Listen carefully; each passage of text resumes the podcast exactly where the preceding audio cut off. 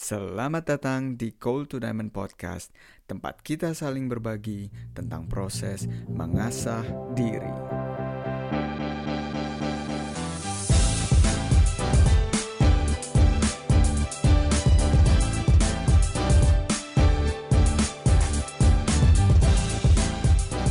Halo teman-teman, balik lagi bersama gue Bayu Prihandito di Cold to Diamond Podcast. Hari ini adalah hari yang sangat spesial buat gue karena guest kita hari ini juga seseorang yang berarti buat gue meskipun gue belum pernah ngomong secara langsung dengan dia. Basically um, karena tamu spesial inilah uh, gue waktu tahun lalu itu bisa took action buat bikin Cold to Diamond Podcast dan dia sendiri juga punya podcast dari tahun 2015 yang membahas tentang pengembangan diri untuk anak muda dan banyak banget yang kalau uh, apa kalau teman-teman nanti bisa lihat resume dia apa yang udah dia lakukan di tahun 2017 dia diundang menjadi perwakilan delegasi di konferensi antar negara di India. Dan kita berdua juga punya salah satu role model yang sama yaitu Gary V. Makanya itu gue ngiri banget waktu dia ngepost tentang hal itu. Dia bisa datang ke konferensinya Gary V di Jakarta um, video-video dia juga banyak yang di YouTube yang juga sangat menginspirasi basically di gimana dia mendokumentasikan cerita hidupnya dan juga sharing kayak um, satu yang gue suka banget dari yang dia post di YouTube itu kayak uh, mereview tentang buku-buku tahun lalu dia juga baru aja menjadi seorang ayah. So, help me welcome Iqbal Haryadi. Wih, halo teman-teman. Call call to diamond ya. Call to diamond, call to diamond, man. Halo teman-teman. Iya, ini pertama kali ngobrol sama Bayu juga. Ya, ya, ya, ya. First things first, bro. Um, gue juga tadi sebelum kita mulai, gue udah ngomong sama lu. Man, it means really the world for me that you wanna take time gitu ya. Kalau lu mau uh, bahwa lu udah mau menyisakan waktu untuk bisa ngobrol di sini, man. Karena again, gue juga um, gue cuma bisa follow lu dari dari dari internet doang gitu ya hal-hal yang lu lakuin gitu and man gue gue harus bilang gue super inspired sih man sama lu. Wih, thank you, thank you, thank you so much. Gue juga uh, ya happy lah bisa meluangkan waktu. Sebenarnya gue selalu kalau terus terang gue tuh selalu uh, for anyone reaching out yang reaching outnya dengan clear apa intentionnya dan segala macam tuh gue sangat open. Tapi emang challenge-nya lebih ke cari waktu yang pas aja karena ada anak juga kan sekarang. Tadi gue juga kita harusnya iya, mulai setengah jam yang lalu tapi gue bilang uh, kayaknya mundur dulu bentar nidurin anak dulu tadi gitu. So uh, ya yeah, thank you so much juga udah invite gue uh, glad to be here lah pokoknya. Ya ya ya super nice super nice.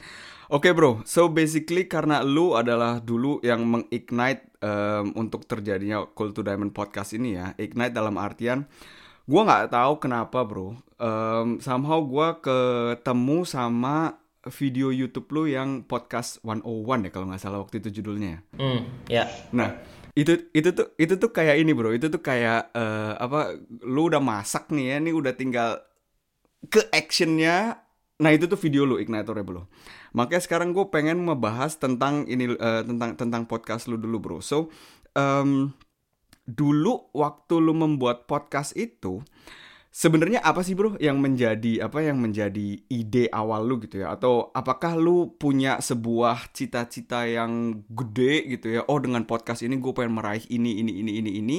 Atau basically I don't know you just did you just had an idea and just like execute it. Hmm.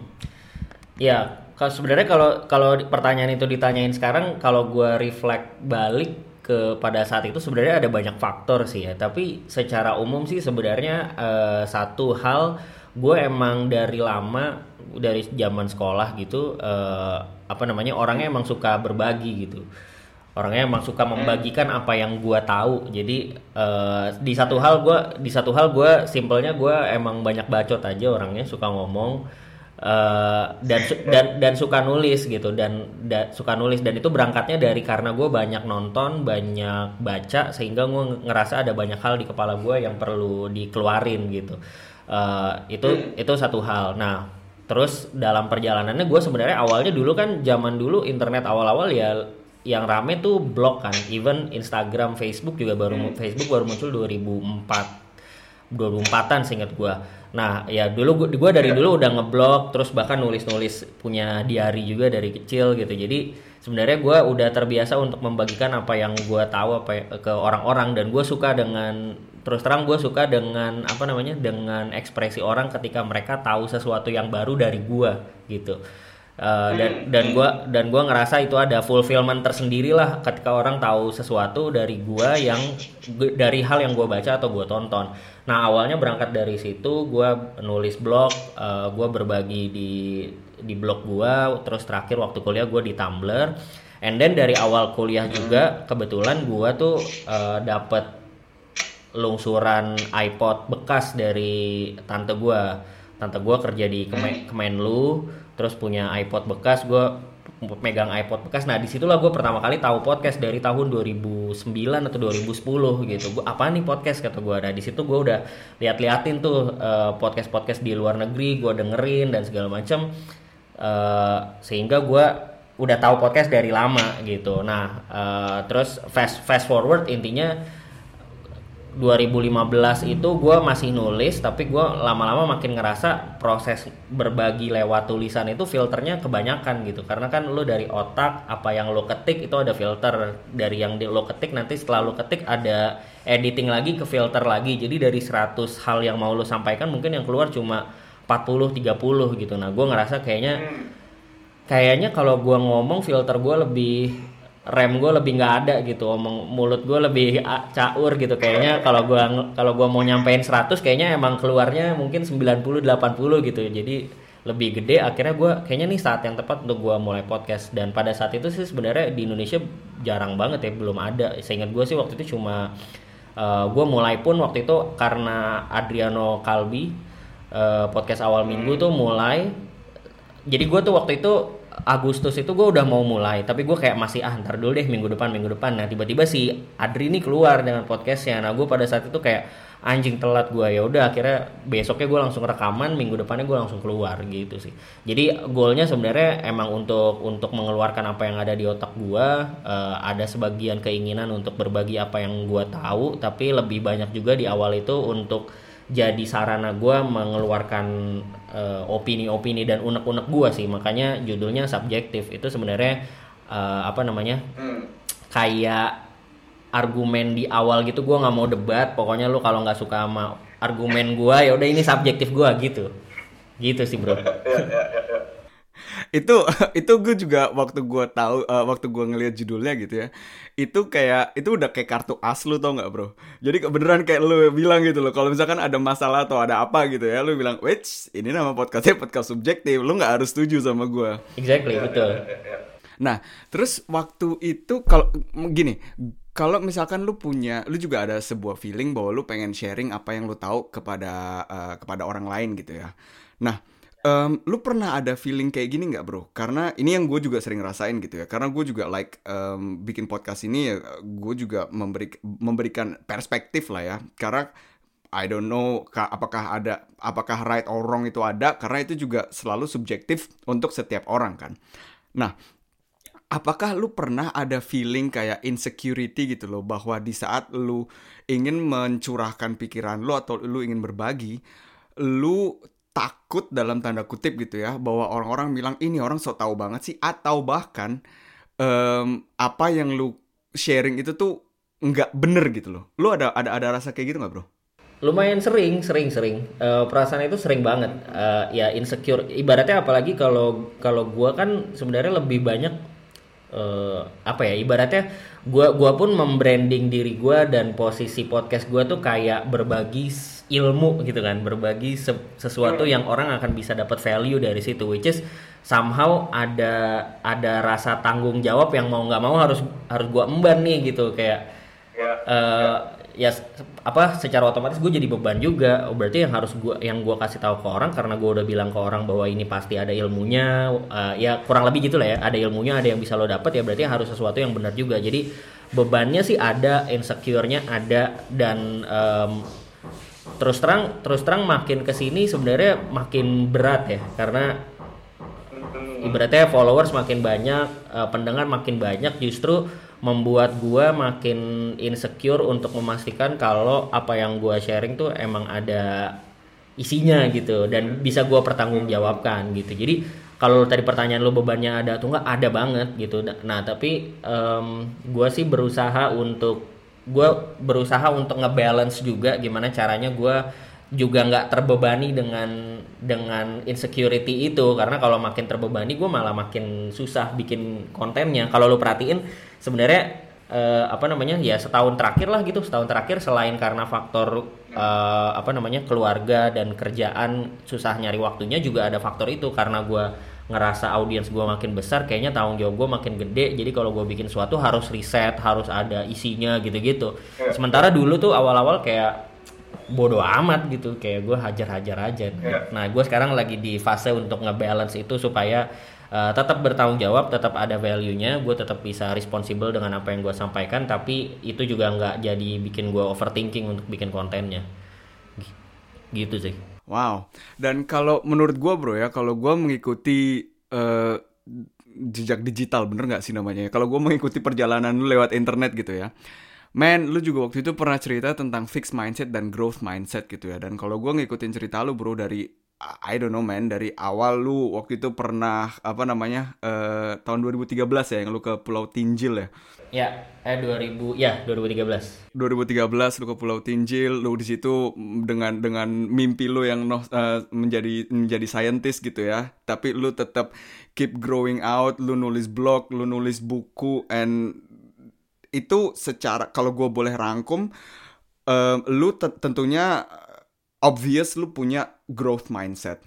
Nah, pendapat lu bro, apakah orang itu bukan cuma pendapat ya, kalau lu nge-observe diri lu sendiri dan nanti lu memberikan pendapat tentang hal itu, apakah growth mindset itu adalah mindset orang yang terlahir dengan atau itu bisa atau bahkan itu harus lu bangun?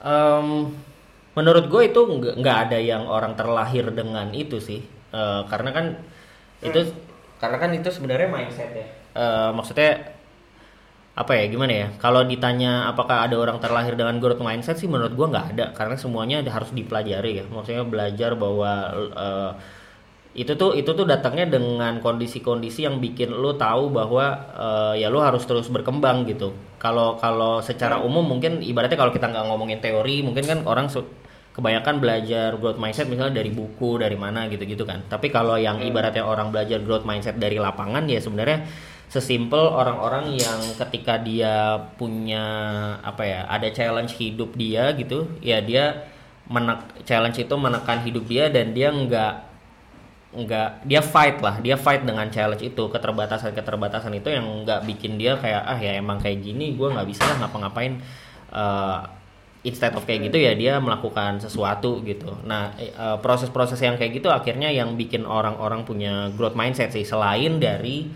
proses-proses kayak belajar lu baca buku sesuatu atau lu dengerin podcast dan tahu ternyata oh ini ada yang namanya growth mindset dan lain-lain. Jadi itu sesuatu yang sangat yang eh, memang datangnya dari pelajaran gitu. Maksudnya lo harus belajar, harus ngelatih juga karena kan nggak nyaman ya sebenarnya punya growth mindset tuh sangat sangat sangat sangat tidak nyaman dan sering kali uh, ya lu nge, nge, nge menantang diri lu untuk masuk ke satu kondisi yang baru gitu nyobain walaupun lu belum bisa dan hmm. lain-lain itu kan gak nyaman banget uh, tapi memang kalau mau nggak mau ya itu harus dipelajari sih kalau kita mau jalan terus gitu. Hmm. Nah, kalau sekarang lu ngelihat retrospektif gitu ya ke ke desisi-desisi yang lu ambil pada saat lu ada di persimpangan, ada challenges-challenges di hidup lu karena uh, gampang banget orang juga bilang ya orang cuma ngedumel doang tapi tidak melakukan sesuatu gitu ya. But in your case lu tahu bahwa oke, okay, gua pengen maju terus dan bahkan lu juga udah expect rasa tidak nyaman yang akan datang di dalam di dalam lu mempunyai growth mindset itu gitu ya. Nah, kalau sekarang lu ngeliat ke belakang apakah lu membuat keputusan-keputusan tersebut secara dalam tanda kutip sadar gitu ya? Bahwa lu tahu nih ini gue beneran lagi ada di persimpangan atau itu kayak like um, karena sudah situasinya seperti itu jadi lu secara tidak langsung um, mengambil desisi itu secara tidak sadar gitu maksud gue ada beberapa sebenarnya kalau pertanyaan itu ada ada both case ada ada case ada case nya gitu. Uh, Hmm. Ada case di mana gue menyadari bahwa ini kayaknya gue harus memilih sesuatu. Uh, ada case hmm. di mana ya ya udah kondisinya kayak gitu ya udah gue jalanin aja deh gitu. Nah tapi hmm. uh, poinnya sih lebih ke kalau yang misalnya case ketika gue ngerasa oh ini adalah sebuah persimpangan gitu gue juga kalau gue balik gue lihat pengalaman dulu gitu ya misalnya uh, ketika memutuskan untuk tidak berkarir di dunia saintis aja gitu ya udahlah gue kuliah di biologi tapi abis itu gue karirnya nggak akan di dunia sains. Nah itu sebenarnya uh, gue tahu uh, gue ada di persimpangan dan gue harus memutuskan gitu. Nah, uh, tapi apakah gue tahu kalau gue ngambil uh, decision yang tidak tidak apa ibaratnya tidak tidak ngambil yang jalur science itu akan mengarahkan gue ke jalan yang gue inginkan gue sebenarnya nggak tahu juga gitu. Nggak tahu juga. Nggak tahu juga gitu. Maksudnya nggak tahu pasti gue nggak nggak yakin juga kayak bukan tipe yang kayak inilah jalan sukses gue kayak gitu. Nggak nggak gitu. Tapi tapi gue gue cuma tahu ya ini gue kalau disuruh milih dua hal ini gue lebih pilih yang ini ya udah gue jalanin aja and then let's see what happens uh, sambil jalan gitu. Ya gue gua ada gua ada gambaran juga sih. Maksudnya ada gambaran umum tapi it's it's so blur juga nggak tahu apa gimana apa yang akan terjadi apa yang akan gue hadapi tapi gue tahu gue mau ke jalan sini itu doang gitu. Jadi uh, dan menurut gue itu pun bagian dari ya maksudnya itu bagian dari usaha gue untuk menjalankan growth mindset ya. Uh, so far sih gue ngerasa nggak ada satupun nggak ada satupun rencana yang ketika dijalankan tuh bener-bener kayak gitu gitu. Jadi gue udah terbiasa juga untuk tahu bahwa ya ibaratnya masa depan nggak ada yang tahu tapi gue mesti tahu gue jalan umumnya jalannya gue ngambil yang mana nih. Tapi sambil jalan gue harus memutuskan hal-hal uh, apa akan ada persimpangan persimpangan persimpangan kecil yang gue harus ambil keputusannya satu persatu tapi hanya bisa gue lakukan kalau gue udah lewatin gitu. Gitu sih. Wow itu juga kenapa gue relate banget bro dengan story lo bahwa um, lo tadinya kuliah apa bio, bio biologi ya biologi, biologi biologi dan lu sekarang basically lu mengambil decision yang secara sadar bahwa lu masuk ke dunia uh, dunia ini gitu ya di mana lu sekarang juga menjadi head of marketing di kita bisa ya. Ya. Itu kan dua dunia yang like gak ada urusannya satu sama lain kan. Uh, mungkin sedikit background dari pertanyaan yang bakal gue tanyain ini. Karena gue juga gitu bro. Gue gua itu kuliah di sini. Gue sampai S2 di bidang recycling basically. Oke. Okay. um, cu uh -uh, cuma ada satu kayak apa ya cuman ada kayak satu feeling gitu loh yang gue pengen coba. Persis lu udah barusan udah ngejelasin itu loh. Gue nggak tahu apakah gue bakal sukses atau gue bakal bakal ke mana hidup gue gitu ya tapi ada kayak satu ini kalau gue nggak cobain ini gue belakangnya nyesel nih. Hmm, hmm, yeah. nah uh, pertanyaan gue mungkin lu bisa sharing sedikit bro ke teman-teman gimana um, gimana proses lu dulu dari kuliah gitu ya dari kuliah dan lu sampai ambil decision itu. Karena menurut gue itu adalah sebuah decision yang besar.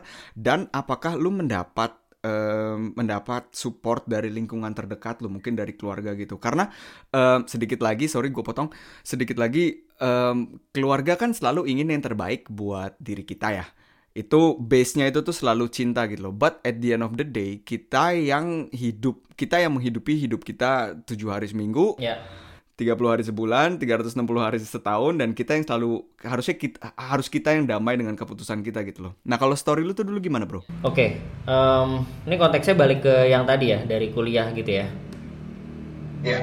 Oke, okay. kalau ya kalau kuliah sebenarnya um, ya gue berusaha mempersingkat ceritanya ya tapi sedikit backgroundnya juga adalah gue tuh anak kedua dari empat bersaudara terus pada saat gue kuliah masuk kuliah itu uh, kakak gue itu udah lulus kuliah dan sedang S2 dan kakak gue tuh uh, kakak gue di UI juga lulus kuliah tiga setengah tahun cum laude uh, dan S2 beasiswa gitu. Jadi anjir pressure.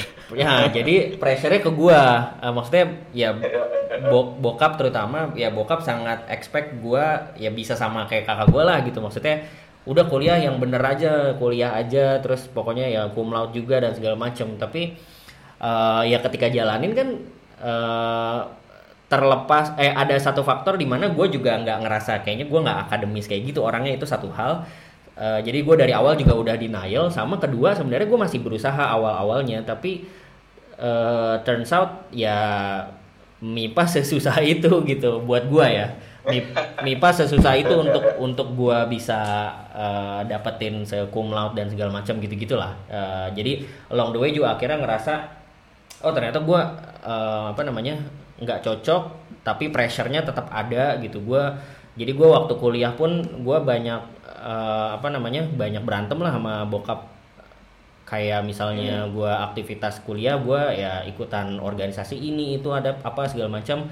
Uh, yang bokap selalu semi-semi kontra dengan alasan ya lu kuliah aja yang bener supaya apa e, nilainya bagus dan segala macam. Terus pas akhir semester nilainya keluar IP-nya ada yang pernah 2,2,8 kalau gue nggak salah semester 2 terus ya itu udah kena omel kan ya lu sih nggak nurut apa segala macam kayak gitulah. Jadi dalam proses perjalanannya kalau disambungin sama su support apa uh, apa tadi circle circle supportnya keluarga ya gue uh, banyak cekcok juga sama bokap ketika kuliah.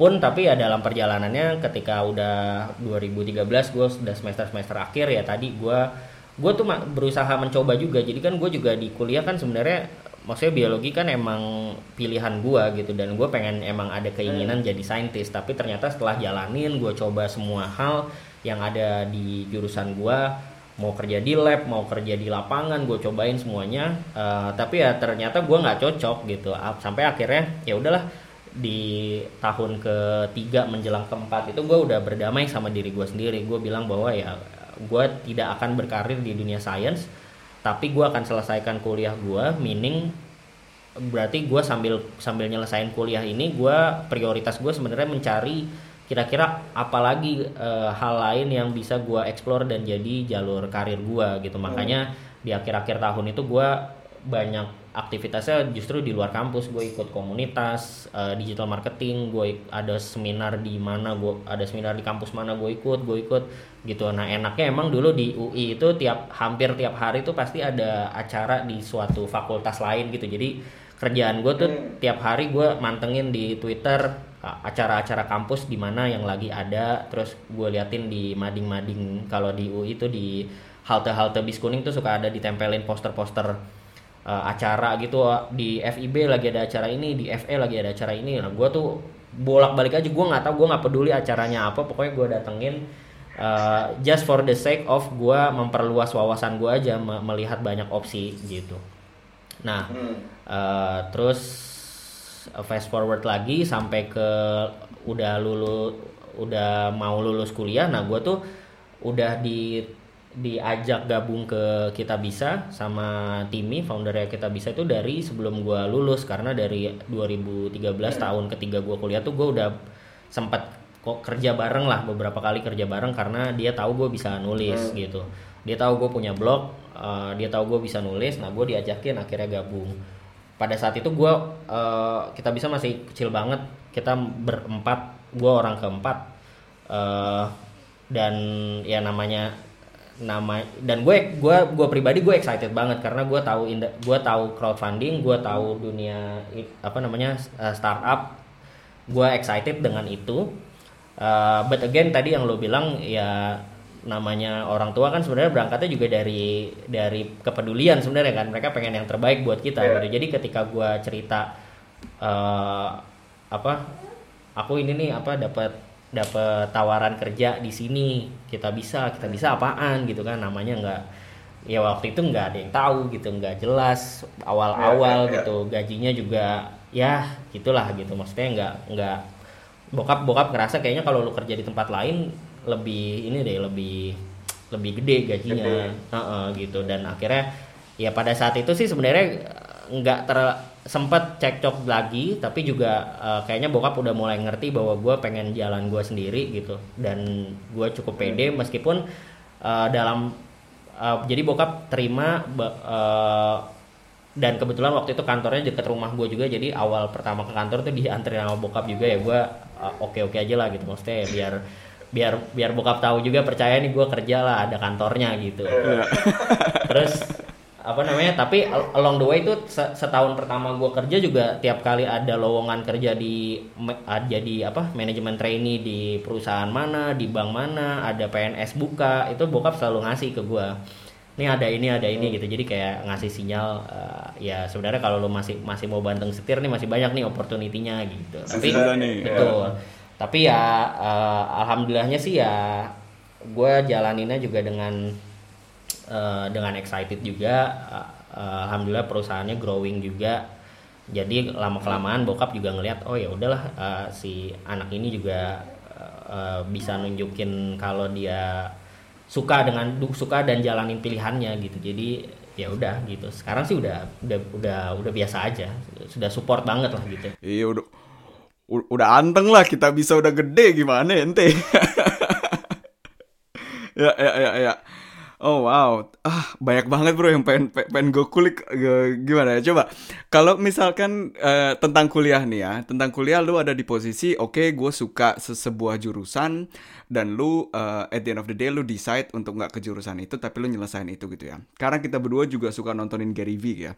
Ini orang kan ekstrim banget ya si Gary Vee ya. Dia juga bilang tentunya dengan kondisi di US kalau lu kuliah kan berarti kan lu kan langsung menumpuk utang jadi lu harus pikirin gitu ya apakah lu beneran mau kuliah atau enggak gitu kan ya. Nah, yang gue interested dengan itu dengan pikiran lo tentang hal ini bro yang di di di apa di yang kalau ide ini dipakai di Indonesia gitu loh. Kalau misalkan kita juga sekarang kayak yang lo udah tahu gitu ya, anak-anak muda berbisnis tuh sekarang kayak di Indonesia tuh uh, lagi ngetrend, lagi high-highnya gitu ya. Nah, uh, pertanyaan gue apa yang uh, uh, apa insight dari lu gitu ya? Apakah mereka lebih baik kuliah like for the sake of hitam di atas putih supaya lu dapat ijazah supaya kalau kalau ada apa gitu ya lu ada di posisi aman atau kayak like you go extreme um, udah kalau memang lu ngerasa lu jago di sini gitu ya lu you go all in di situ kalau di Indonesia tuh menurut pendapat lu gimana bro? Sebenarnya sih kalau dari case study banyak orang, both case ada success story-nya ya. Uh. Both case ada success story-nya. Tapi kalau ditanya gue pribadi, atau misalnya di refresh deh pertanyaannya. Uh, eh, gue punya anak sekarang gitu. Kalau anak gue nanti kuliah, apakah dia gue perbolehkan misalnya bisnis full gitu loh, nggak kuliah langsung bisnis? Uh, That would be the next question though. atau dia kuliah dulu terus terang terus terang my default answer adalah harus kuliah dulu sih. Dan menurut gue hmm. kuliah tuh sebenarnya output utama kuliah yang gue rasakan ya terutama di Indonesia. Uh, itu bukan masalah sebenarnya bukan masalah ilmunya atau hitam di atas putihnya. Kalau hitam di atas putih gue sudah sangat yakin sebenarnya sangat tidak sering uh, tidak terlalu relevan lah maksudnya kalau kecuali lo pengen jadi hmm. dosen atau pengen jadi spesialis sesuatu ijazah tuh means hmm. nothing gue nggak pernah nerima uh, maksudnya gue gua diterima kerja nggak pernah karena ijazah gue ijazah gue nggak pernah gue urus juga hmm. terus uh, gue nge-hire orang pun tim gue nggak pernah ada yang gue lihat sama sekali ijazahnya so it really means nothing di banyak industri gue nggak nggak bilang it really it means nothing at all ya. Tapi uh, di banyak industri dan makin ke sini kayaknya makin sedikit yang relevan dengan se apa ijazah tuh makin sedikit masih sedikit lah relevansinya. Uh, tapi jadi uh, pentingnya kuliah tuh bukan soal ijazahnya. Tapi kalau buat gua kuliah tuh nomor satu pentingnya adalah uh, network sebenarnya. Ketika lo kuliah dan lo aktif banget di kuliah apa pun aktivitas lo di kuliah semakin banyak lo aktif itu semakin gede network yang lo bangun dan semakin gede opportunity lo bisa melakukan sesuatu dengan banyak orang di masa depan ketika lo udah kerja gitu karena toh hmm. uh, ya dari pengalaman gue pun dan gue yakin banyak orang yang mengamini ini ketika udah kerja banyak opportunity pekerjaan itu datangnya dari teman-teman kuliah atau orang-orang yang kita kenal ketika kuliah yang nggak akan bisa kita kenal kecuali kita masuk di kampus tersebut Uh, itu yang yeah. yang pertama sih menurut gua kenapa harus kuliah network. Yang kedua, menurut gua output kuliah terutama S1 uh, eh, itu jurusan apa pun sebenarnya sama, yaitu adalah punya pola pikir uh, scientific atau apa sih punya scientific method lah, ngerti scientific method.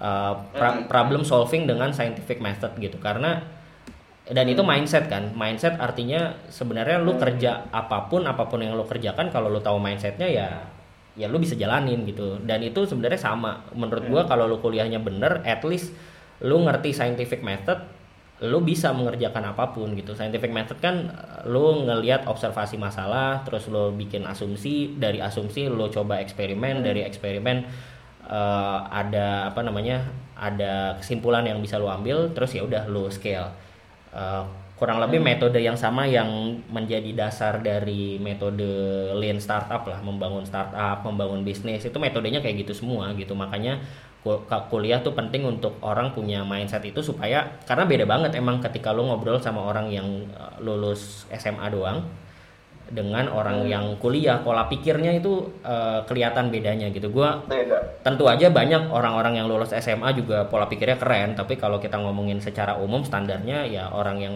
kuliah pola pikirnya lebih lebih lebih terstruktur lah gitu untuk menyelesaikan masalah gitu. Uh, itu sih jawabannya. Jadi gue sih lebih prefer kuliah dulu tapi di luar itu sebenarnya uh, poin makin ke sini pun sebenarnya kan uh, struktur kul bukan apa ya format format bahwa orang harus kuliah di universitas uh, itu juga makin dipertanyakan. Artinya sebenarnya replaceable dengan misalnya lu lulus SMA tapi lu ambil nih kursus uh, digital marketing selama satu tahun gitu yang kursusnya informal. Lu ikut kelas sama seorang expert mungkin kelasnya cuma dua kali seminggu tapi lu praktek lu langsung bisnis beneran dan segala macam dalam satu tahun mungkin lu punya output yang sama dengan orang yang kuliah empat tahun gitu. Uh, jadi menurut gua masalah format aja yang bisa berubah-ubah mungkin nanti secara secara perlahan-lahan uh, industri akan merubah formatnya ada alternatif-alternatif lain selain kuliah empat tahun S1 di universitas. Tapi uh, inti aktivitasnya sebenarnya tetap sama yaitu lo harus uh, apa ya melakukan lo belajar sesuatu uh, yang yang secara spesifik dan lo jalanin itu eh maksudnya mempelajari topik spesifik itu dalam jangka waktu yang uh, fokus selama satu tahun dua tahun tiga tahun empat tahun gitu. Itu sih. Ya ya ya, ya ya mungkin sharing sedikit juga gitu ya buat teman-teman yang ngedengerin gitu ya. Kalau di Jerman tuh basically juga at least di beberapa perusahaan di mana gue daftar terakhir dan gue mendapat interview bro ya. So um, CV itu tuh juga um, kalau lu cuma nulis di situ lu ijaz uh, cuma nulis nilai ijazah lu terakhir lu lulus dapat berapa gitu ya di kampus itu itu buat mereka tuh juga tidak menarik bro. Ya udah gitu. Nah, uh, uh, uh, uh. nah gue itu um, dulu dulu at the moment gitu ya karena gue gue ngebiayain semua di Jerman tuh sendiri. Jadi basically di samping kuliah gue harus kerja kan. Nah di situ uh, tentunya pada saat itu gue ngerasa anjing hidup kenapa susah banget ya? Gitu ya. Lu udah di negara orang bahasa susah ini susah gitu kan. Tapi ternyata bro begitu sekarang gue ngeliat ke belakang gitu ya justru itulah yang bisa mempercantik CV gue ngerti gak lo jadi itu tuh yang membuat CV gue tuh kayak kayak warna-warni gitu loh. Dan dan sampai sekarang orang kalau orang kalau nge apa namanya nge hire gue dan ke kita ke interview gitu ya itu pertanyaan tentang tentang fahlich itu apa ya? Tentang ten, secara teknisnya gitu ya bidang yang gue kuliahin tuh kayak palingan satu dua pertanyaan gitu loh. Kenapa lo kuliah ini or whatever it is gitu ya. Tapi yang bikin mereka kayak uh, yang eye catchy-nya tuh justru tuh hal-hal yang gue kerjain yang tidak ada hubungannya sama kuliah itu sama sekali. Betul.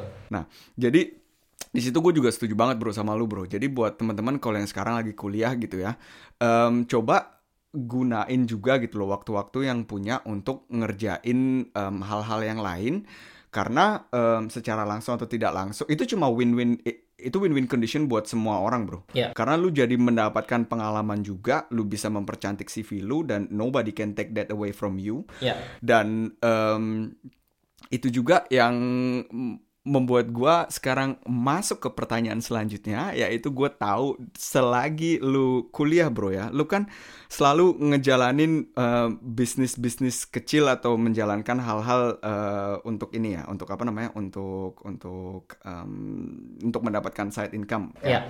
to be honest bro gue um, bisnis itu adalah game yang sangat gue cintai yang gue tidak pernah mainkan secara serius. Begitu gue dengar-dengar story lu, oh ya nih dulu gue dulu lu nyobain um, apa namanya dropshipping, lu masuk di Kaskus, lu nyobain jualan baju muslim ya waktu itu ya. Iya. Gitu-gitu gitu loh.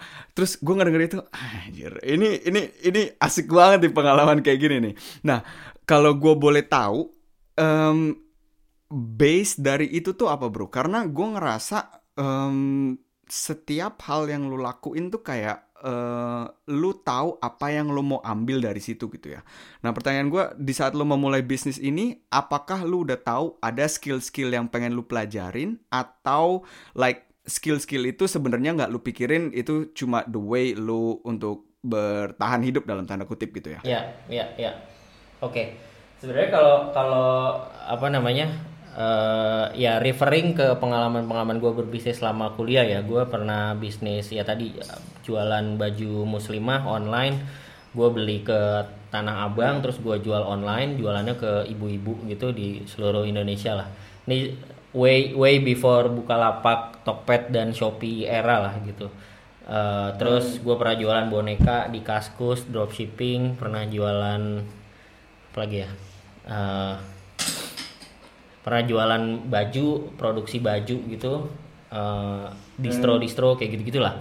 Eh, nah sebenarnya kalau tadi balik ke pertanyaan lu, apakah emang gue intentionally melakukan si bisnis bisnis itu untuk gaining certain skills atau pengen dapat pengalaman tertentu? Sebenarnya nggak juga. Eh, gua tuh, gua tuh, I'm, I'm really apa ya? Gue tuh sangat mudah untuk excited dengan sebuah ide dan ketika gue excited dengan sebuah ide atau hal baru gue pengen langsung melakukan hal itu gitu.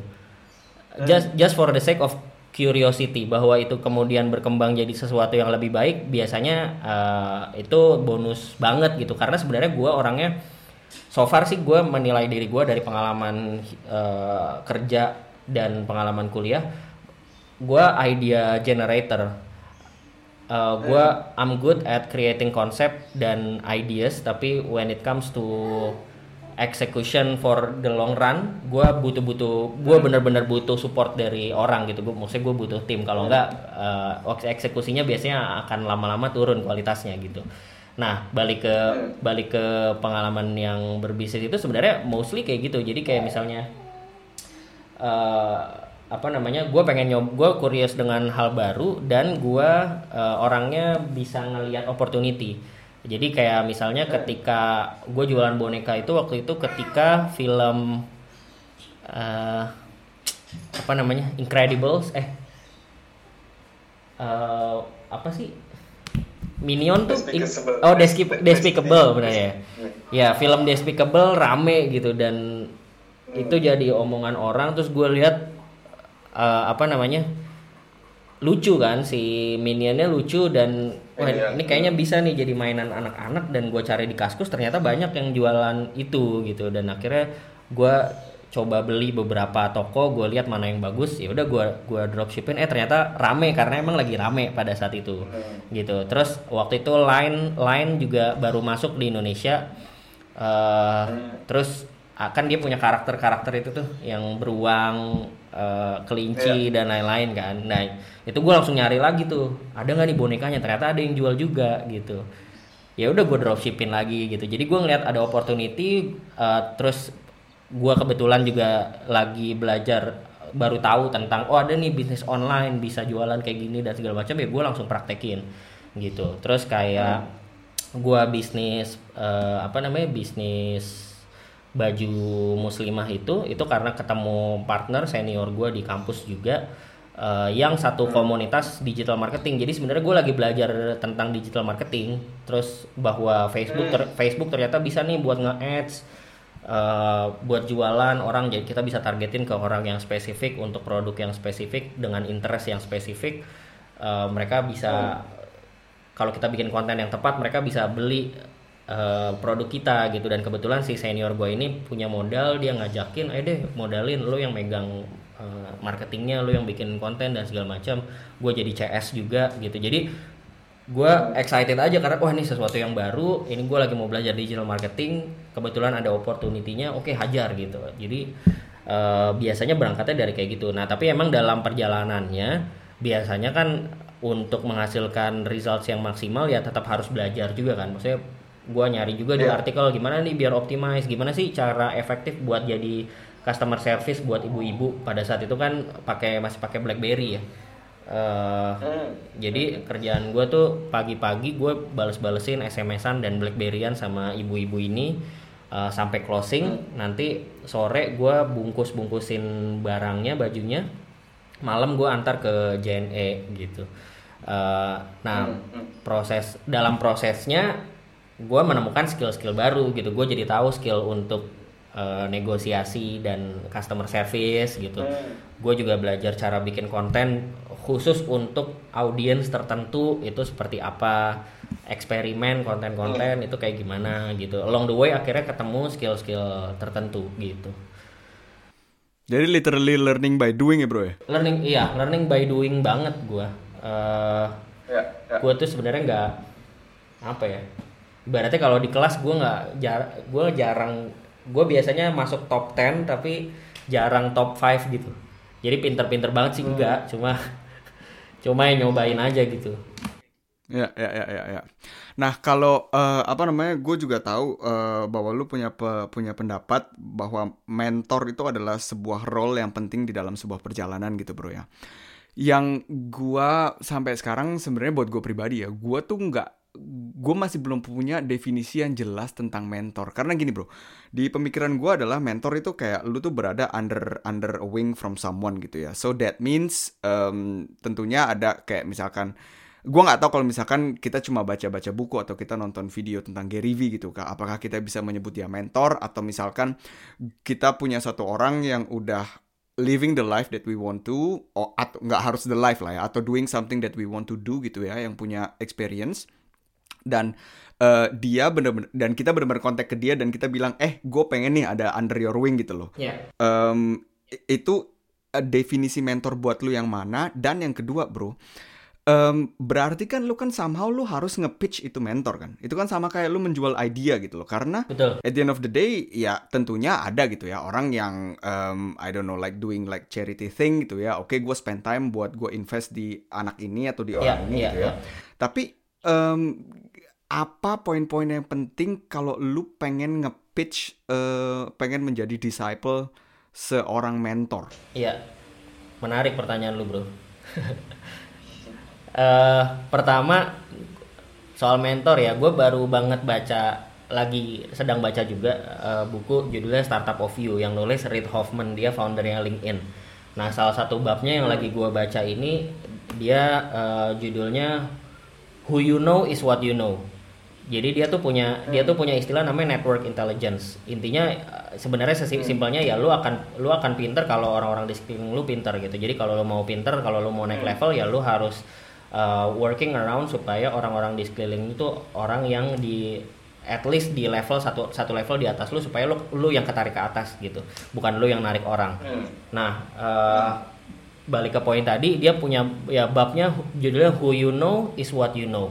Poinnya adalah uh, pengetahuan lo itu cuma akan berkembang kalau eh sorry pengetahuan lo itu datangnya dari orang-orang yang lo tempatkan di sekitar lo atau orang-orang yang lo fokuskan perhatian lo kepada mereka gitu. Nah, uh, menariknya adalah itu kerasa banget terutama misalnya gue ya, uh, gue kasih case tadi dulu misalnya di kerjaan di startup gitu ya. Gue di gue di kita bisa hmm. terus uh, apalagi di dunia startup misalnya case-nya di spesifik di kita bisa yang kita bisa adalah uh, website crowdfunding. Dan sebenarnya kita nggak punya benchmark uh, ya ini semi-semi humble bragging lah ya kita nggak punya benchmark di atas kita bisa gitu.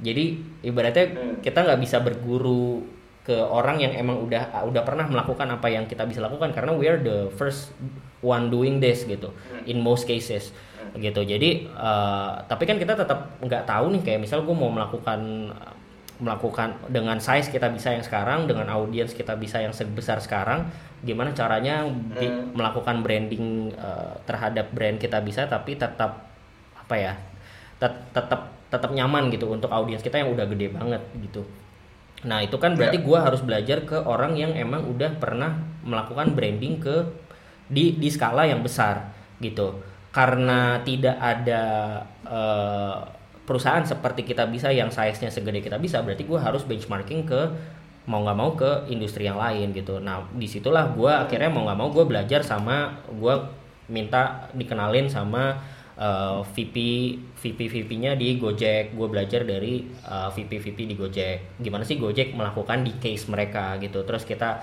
gue nanya-nanya juga nanya-nanya juga. Kalau di case kita kayak gini gue plannya seperti ini menurut lo apakah udah oke? Apa yang perlu diimprove? Apa yang perlu di remove dan lain-lain gitu. Gue belajar juga ke ex VP-nya Bukalapak, ex VP marketingnya Bukalapak yang bikin branding brandingnya Bukalapak gitu. Gimana sih Bukalapak bikin dan lain-lain gitu. Nah itu itu kan sebenarnya kategorinya mentor juga ya kan.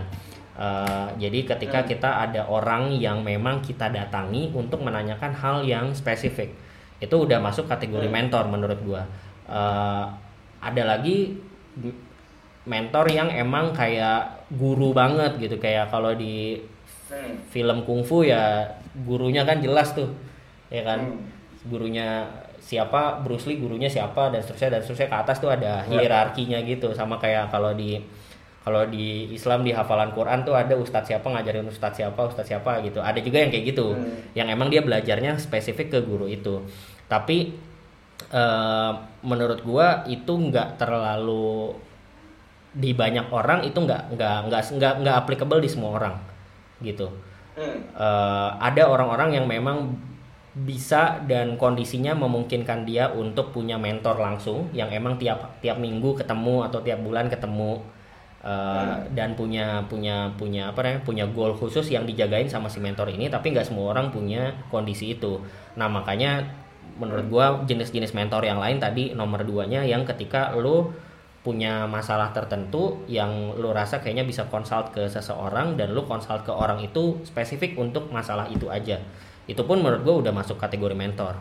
Level tiganya adalah ya sebenarnya orang-orang yang tadi lo bilang orang-orang yang hidupnya atau eh, dia pernah melakukan apa yang pengen kita lakukan terus kita coba reverse engineering kita kita kepoin banget tuh kita baca bukunya kita lihat blognya kita nontonin YouTube-nya dengerin podcastnya lihat di- inter- semua interview dia di TV dan lain-lain.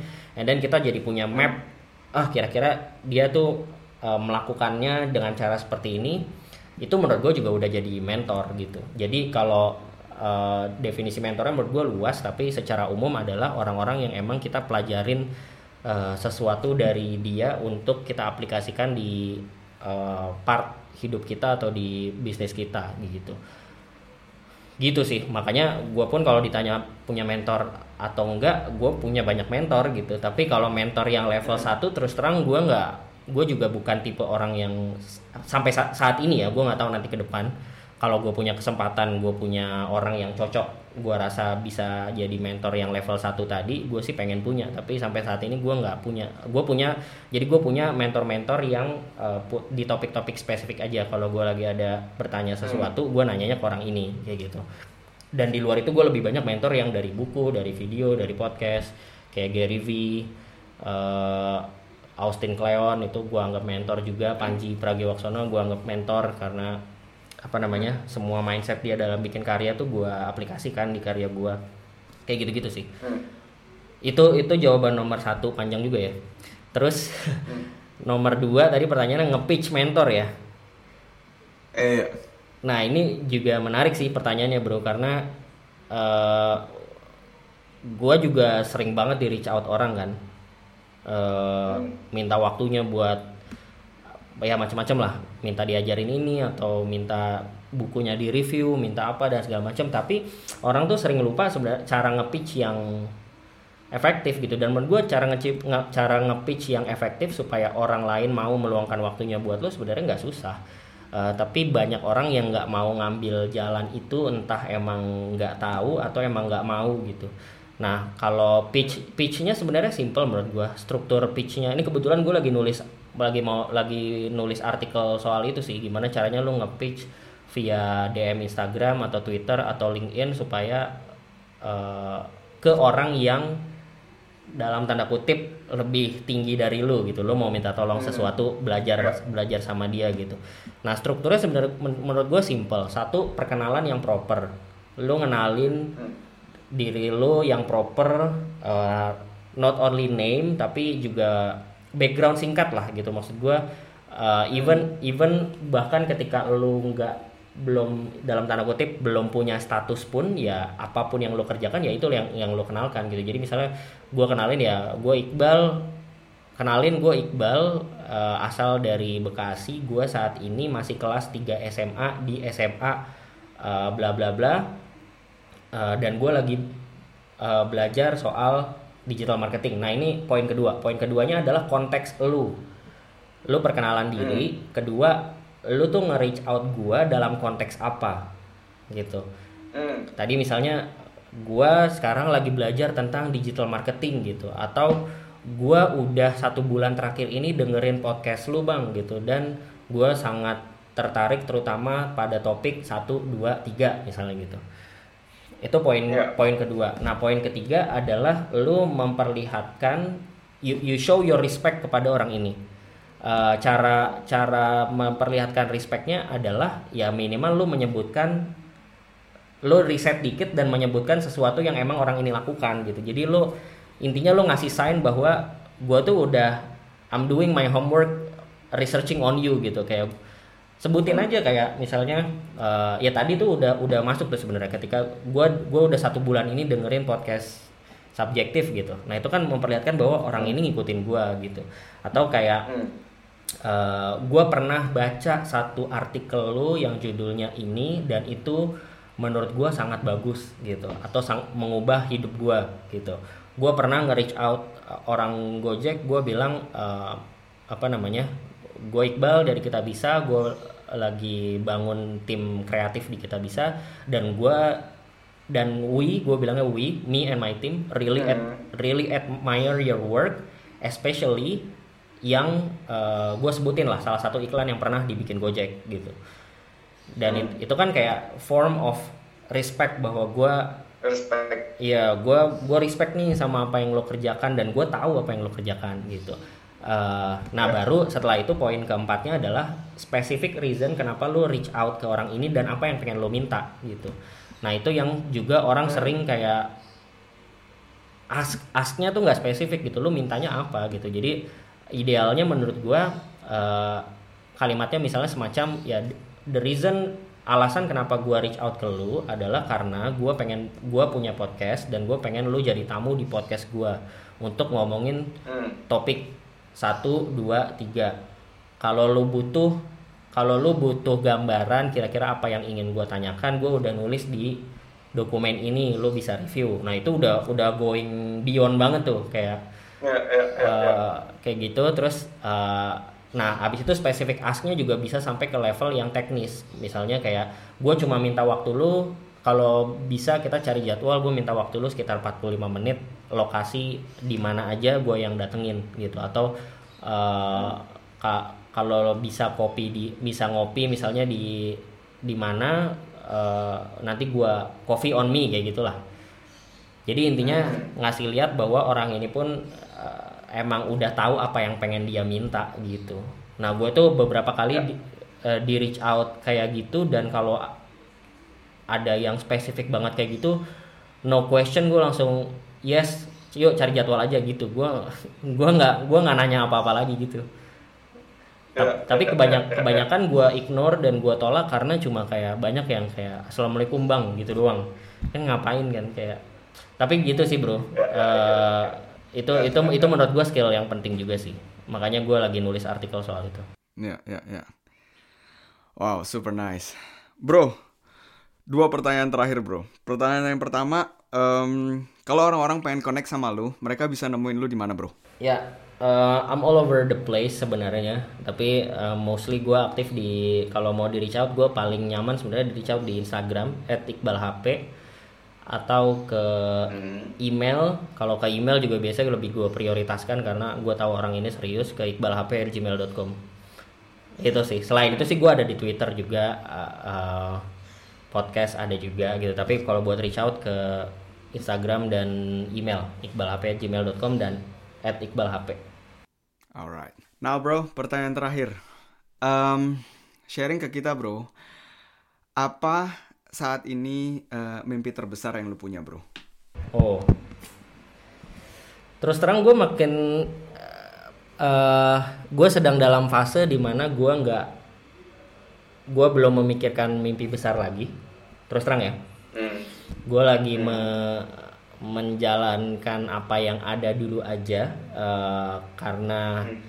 terutama terutama karena anak sih terutama karena anak perspektif gue cukup cukup bergeser besar juga dan gue lagi coba ngebalance supaya uh, ya ibaratnya ngurus keluarga tetap aman tapi gue juga bisa going crazy dengan apa pun yang pengen gue lakukan gitu.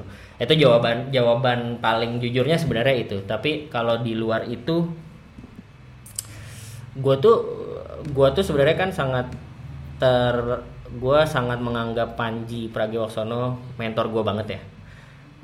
Gue bela gue belajar banyak hal dari dia dan uh, ya bisa dibilang semua hampir semua karya gue tuh ada pengaruh dia lah gitu uh, dan gue kayaknya pernah gue pernah bilang di di Instagram uh, ya tahun lalu tuh sebenarnya gue mau mulai nyoba stand up comedy. Uh, hmm. karena gue ngerasa gue bisa kayaknya.